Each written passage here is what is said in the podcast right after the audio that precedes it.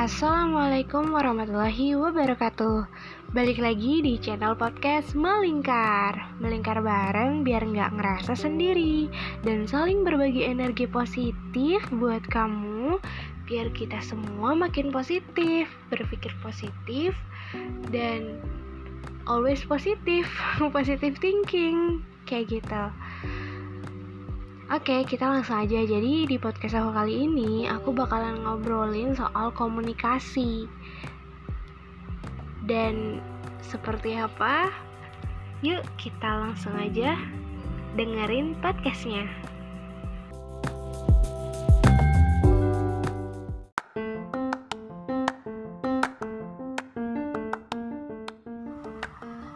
Dalam kehidupan kita sehari-hari, tentunya kita nggak akan lepas dari yang namanya komunikasi. Iya, kenapa?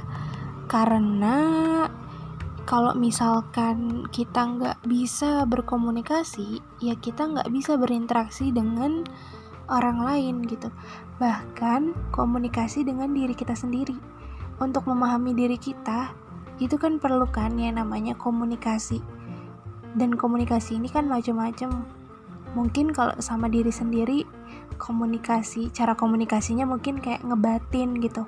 Sedangkan sama orang lain komunikasinya itu bisa secara verbal non verbal kayak pakai gerakan tangan atau uh, mungkin kalau di sosial media kita komunikasinya lewat tulisan atau ketikan kayak gitu Nah, kenapa komunikasi ini bisa jadi sesuatu yang penting? Karena ya untuk bisa memahami, memahami diri, memahami orang lain, juga agar kita tahu bagaimana kondisi situasi, keadaan sekitar kita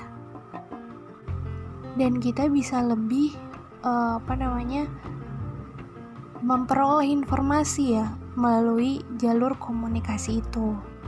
Nah, kebanyakan permasalahan-permasalahan di kehidupan kita itu biasanya dipicu oleh komunikasi salah komunikasi atau mungkin yang bisa disebut dengan miskomunikasi kali ya. Ya contohnya aja kalau misalkan kita nggak bisa memahami orang lain, ya kita akan salah dong kita nggak akan mengerti, nggak akan paham apa yang orang lain maksud. Begitupun dengan diri kita. Kalau kita nggak bisa berkomunikasi dengan diri kita, otomatis kita nggak akan bisa memahami diri kita. Contoh misalkan, kalau kita lagi haus atau lapar, tapi kita tuh ngerasanya biasa aja gitu kan. Berarti kan ada yang salah tuh sama komunikasi kita sama sinyal komunikasi yang ada di dalam tubuh kita. Misal kita lagi lapar eh ternyata sebenarnya kita cuman haus aja gitu. Terus kita haus tapi kita misalkan malah milih makan nah itu kan salah gitu kan Nah, jadi komunikasi ini sangat penting gitu, apalagi komunikasi dengan orang lain. Di sini sebenarnya aku cuman berbagi atau sharing aja berdasarkan pengalaman dan apa yang aku tahu. Walaupun sebenarnya aku bukan orang yang uh, lulusan belajar ya secara formal di jurusan ilmu komunikasi. Tapi ini hal-hal ada beberapa hal yang emang karena aku ya karena kita kan sehari-hari ya. Aku kamu kita semua kan berkomunikasi. Dan aku belajar gitu bagaimana menemukan komunikasi yang baik. Dan beberapa hal memang aku jadikan referensi. Contohnya komunikasi yang dibahas sama antara Raditya Dika dengan istrinya Anissa Aziza. Kalau misalkan teman-teman kepo kayak gimana lengkapnya bisa sih sebenarnya. Teman-teman langsung ini nggak promosi ya bisa lihat di YouTube channelnya Raditya Dika.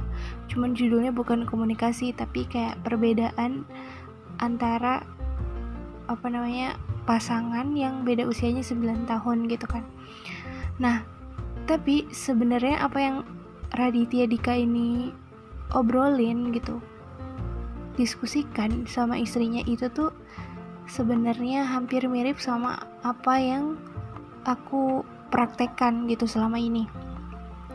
Contoh ya ketika semisal kayak perempuan komunikasi perempuan sama laki-laki ya biasanya kan perempuan itu kalau misal nih ditanya kamu kenapa? Enggak kok enggak apa-apa. Jawabannya pasti kayak gitu. Padahal kalau misalkan kita mau lebih sedikit menahan egonya kita gitu kita sebenarnya bisa aja gitu cerita tanpa harus kayak dia ngertiin kita gitu karena kan gak semua orang bisa ngerti sama kode kita gitu. Kalau kita nggak menjelaskan secara benar dan secara rinci secara jelas gitu. Ya udah bilang aja apa yang dirasain terus maunya kayak gimana dan apa nih langkah apa langkah selanjutnya? Setelah didiskusikan ya apa nih kira-kira langkah selanjutnya yang bakalan kita lakuin gitu untuk mengatasi hal tersebut. Contoh aku. Aku waktu itu waktu kuliah ya aku sempet kayak gak suka sama temen aku gitu kan. Ya bukan gak suka mungkin dalam artian kayak marah lah ya. Nah terus karena aku aku tahu gitu marah itu kan gak baik apalagi kalau lama-lama. Cuman kan namanya perasaan manusia ya kadang nggak bisa diselesaikan dengan um, semudah itu. Makanya aku coba cara aku jujur ngobrol sama temen aku tapi ngobrolnya tuh lewat tulisan. Jadi aku tulis di selembar tisu waktu itu. Um, aku ketemu dia jadi aku dipertemukan sama dia. Tapi aku lupa sih marahnya karena apa sebelnya karena apa. Cuman aku tuh ketika aku sebel aku kemudian ketemu sama dia terus aku kayak masih sebel gitu kan. Akhirnya ini menurut aku ini nggak bisa dibiarin kayak gini. Soalnya kalau nggak dijelasin ke dia itu dia nggak akan paham dia nggak akan nggak akan ngerti gitu apa yang kita rasain. Dan perasaan kita tuh masih ada loh gitu maksudnya nggak akan selesai kayak gitu kan kalau nggak dibahas. Makanya waktu pas ketemu di satu acara aku duduk nih di sebelah dia sengaja. Terus aku kasih lah tuh tulisannya. Aku ke temen aku aku kan nulis gitu kan ya di selembar tisu gitu pakai pulpen. Terus aku bilang ah karena aku nggak berani ngomong langsung ya jadi aku tulis. Nah di tulisan itu aku bilang namanya ini sih sebenarnya Farah. Nah jadi gini aku bilang ke Farah itu jadi Far uh, sebenarnya aku tuh sebel sama kamu. Aku tuh ya ini dijelasin di situ sebel. Aku marah gara-gara apa kayak gitu kan waktu itu. Aku lupa sih soalnya. Tapi aku tuh nggak mau sejujurnya aku tuh nggak mau marah sama kamu gitu kan. Aku tuh nggak mau kayak soalnya kan kita udah temenan gitu kan ya. Masa kita marahan sih gitu kan cuman gara-gara hal ini. Cuman kayak aku nggak bisa nggak bisa gitu. Maksudnya marahnya aku masih reda gimana ya caranya biar biar aku nggak marah lagi gitu. Aku minta maaf kalau semisalkan aku marah sama kamu gitu. Aku minta maaf di situ gitu kan. Dan habis itu terus dia tuh baca terus dia tuh ngerti terus dia malah kayak dia ngerespon baik gitu kan. Iya dia dia pun akhirnya minta maaf dan kayak apa namanya uh, ngerasa bahwa oh yang dilakuinnya dia itu ternyata menyinggung perasaan aku atau mungkin bikin aku nggak enak gitu ya ya.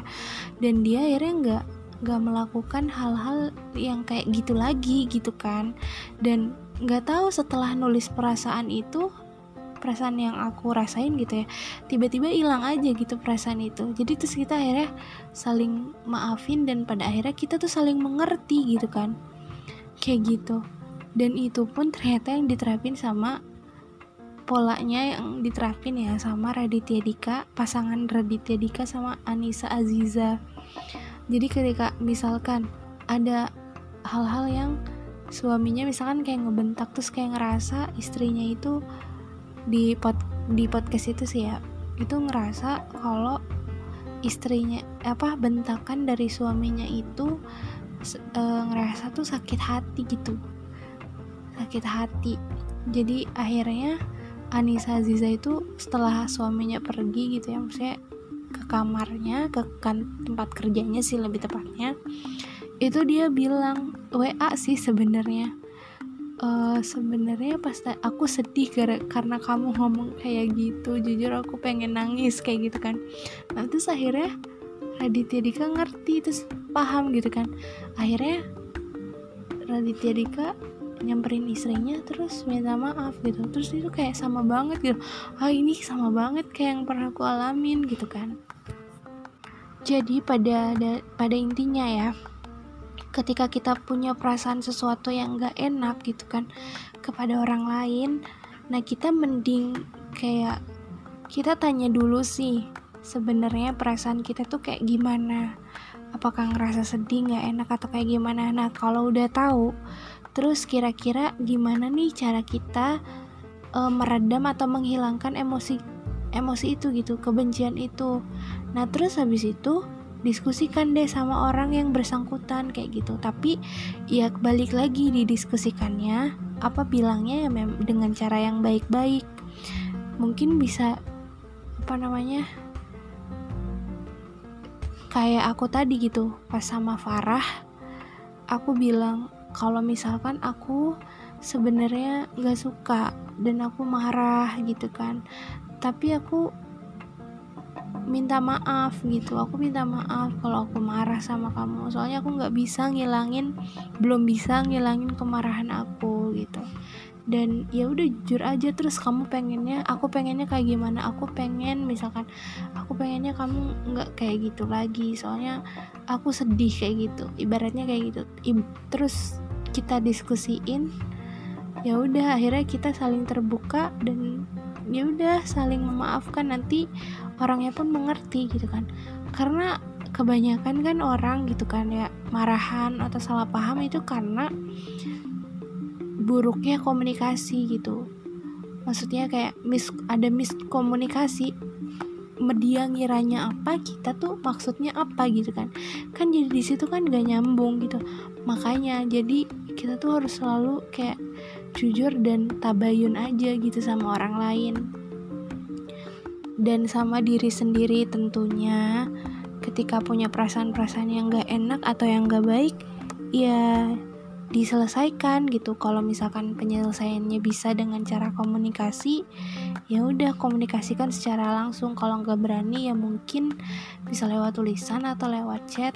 Tapi kalau lewat chat kayaknya mungkin uh, ini ya agak menurut aku ya agak kurang pas juga sih. Kalau aku lebih cenderung ke mendingan kayak aku ngechat atau ngasih surat tapi itu tuh masih dalam kondisi situasi yang kita tuh memungkinkan untuk ketemu kayak gitu. Jadi nanti langsung bisa uh, apa namanya ya udah langsung bisa diselesaikan kayak gitu kan. Atau kalau mau virtual ya udah video call gitu. Yang penting ada gitu kan sama-sama tatap muka gitu. Jangan hanya sebatas kayak chatting doang. Soalnya kalau chatting doang kan kayaknya berasanya nggak nggak afdol banget ya maksudnya kayak udah karena kan kalau chatting kan nggak nggak tahu ya apa yang kita rasain gitu kan.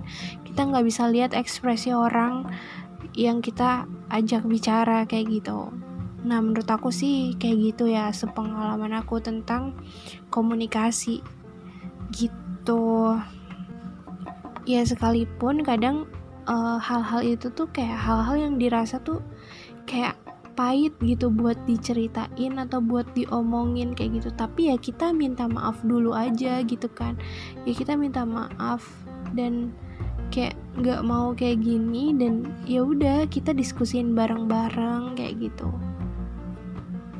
Intinya itu sih kita kenali diri kita dulu. Maksudnya emosi kita ya emosi kita kayak gimana terus kita maunya kayak gimana ya udah saling diskusikan dan kayak kita satu sama lain harus bisa saling memahami. Misalkan kalau kayak uh, apa lawan bicara kita atau teman kita atau sahabat kita atau pasangan kita yang itu kayak nggak bisa apa namanya dia juga misalkan memiliki suatu permasalahan misalkan nggak cocok sama ini akunya nggak cocok sama ini oh ya udah berarti kita harus sama-sama saling menghargai dong kayak gitu. Yang penting tuh intinya dikomunikasikan biar paham kayak gitu. Terus kalau misalkan kita jujur sama perasaan kita sendiri misalkan kita suka sama orang terus kayak kita ngom ngomong sama orang itu gitu. Apalagi kita posisinya sebagai perempuan. Apakah itu lantas harus dikomunikasikan juga gitu untuk menyelesaikan perasaan? Ya itu tergantung sih. Dan kayak menurut aku sih perlu nggak perlu ya. Maksudnya dalam artian setelah kita kayak e, dikasih keyakinan dan istiharoh dan memang betul bahwa orang yang kita suka itu itu adalah orang yang soleh kayak gitu orang yang baik gitu. Menurut aku sih ya kayak gitu perempuan pun kan bisa kan mengajukan diri. Cuman kalau aku kalau aku sih malu ya. Maksudnya kalau aku masih rada karena pemalu gitu kan nggak bisa nggak bisa kayak apa mengungkapkan ke orangnya langsung ya palingan cerita ke temen gitu atau ke sahabat kayak gitu biasanya. Kok jadi cerita itu sih? Ya padahal nggak penting juga. Tapi ini kan sebenarnya sebagai contoh aja sih. Itu kan berdasarkan pengalaman ya. Kalau komunikasi karena kan komunikasi itu kan macem-macem. Kayak gitu. Pada intinya itu sih. Terus apa lagi ya? Oh iya uh, ini sih sebenarnya masuk ke tema yang selanjutnya sih yang soal um, apa namanya jangan kita tuh selalu berprasangka. Tapi bisa sih sebenarnya dibahas di sini soalnya masih agak nyambung. Cuman ini udah mau 20 menit dan kayaknya takut kelamaan. Jadi mending dibahas di podcast selanjutnya aja Mungkin itu aja, cukup sekian dari aku. Wassalamualaikum warahmatullahi wabarakatuh.